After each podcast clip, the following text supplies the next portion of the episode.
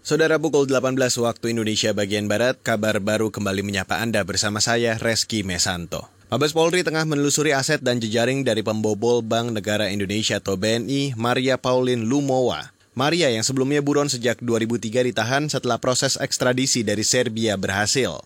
Dia merupakan salah satu tersangka pelaku pembobolan kas BNI cabang Kebayoran Baru lewat kredit fiktif senilai 1,7 triliun rupiah. Kabar Eskrim Polri, Listio Sigit Prabowo mengatakan, Maria kini ditahan untuk proses pemeriksaan lebih lanjut. Kita tentunya harus melaksanakan pemeriksaan secara lebih mendalam terhadap saudara MPL. Nah, nanti dari situ baru bisa kita ketahui di mana yang bersangkutan punya aset atau pihak-pihak lain barangkali yang terkait yang saat ini masih belum sempat ditersangkakan. Tentunya ini akan kita lihat beberapa hari ke depan setelah pemeriksaan-pemeriksaan tersebut kita lakukan. Kabar Eskrim Listio Sigit Prabowo menambahkan sejauh ini sudah ada 11 orang saksi yang akan dimintai keterangan terkait peran Maria.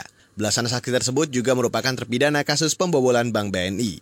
Listio menyatakan Maria masih berstatus warga Belanda, sehingga Polri juga berkoordinasi dengan Kedutaan Besar Belanda terkait proses pemeriksaan ini. Maria disangka melanggar Undang-Undang Tindak Pidana Korupsi dan Tindak Pidana Pencucian Uang dengan ancaman pidana seumur hidup. Saudara Sekolah Calon Perwira Angkatan Darat atau Siapa AD di Bandung, Jawa Barat menjadi klaster baru pasca ditemukan lebih dari seribu murid terpapar COVID-19. Gubernur Jawa Barat Ridwan Kamil menyarankan Wali Kota Bandung Odet M. Daniel menerapkan pembatasan sosial berskala mikro atau PSBM di Kelurahan Hegar Manah, Kota Bandung, lokasi Secapa AD. Kami mohon maaf ya jika kejadian ini memang uh, menjadi sumber dari lonjakan yang luar biasa. Tindak lanjutnya kami sudah bersepakat dengan Pak Wali. Satu adalah pengetesan lingkungan sekitar itu wajib hukumnya, bukan pilihan. Jadi nggak boleh nolak. Yang kedua, saya sarankan kawasan di Hegar Manah dan sekitarnya dilakukan PSBM secara ketat, yaitu pembatasan sosial berskala mikro. Sementara itu, saudara di Jawa Timur, merupakan provinsi dengan tingkat kasus yang masih tinggi mengklaim penyebaran kasus COVID-19 di sana sudah terkendali. Sekretaris Daerah Provinsi Jawa Timur, Heri Heru, maksud kami Heru Cahyono mengatakan, kedisiplinan terhadap protokol kesehatan di zonasi-zonasi sangat berperan menekan angka penyebaran kasus positif. Heru menambahkan Pemprov Jatim akan terus mengintensifkan penelusuran kasus di Jawa Timur. Masih seputar COVID-19, Saudara, pemerintah Provinsi Jawa Tengah menginstruksikan bupati dan wali kota di wilayah itu membentuk tim gugus tugas penanganan COVID-19 untuk kawasan industri.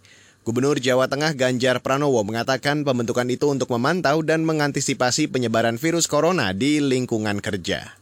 Sehingga sekarang di kawasan-kawasan industri kita minta dibuat gugus tugas khusus dan itu sudah diputuskan oleh Pak Wali Kota. Nah, gugus tugas khusus ini diminta untuk membereskan seluruh tata kelola yang ada di situ, termasuk protokol kesehatannya, dan Pemkot sama Pemprov akan mensupervisi. Lebih khusus Pemprov karena ada beberapa yang tidak hanya di Kota Semarang, tapi juga di Semarang eh, di lingkungan Semarang Raya.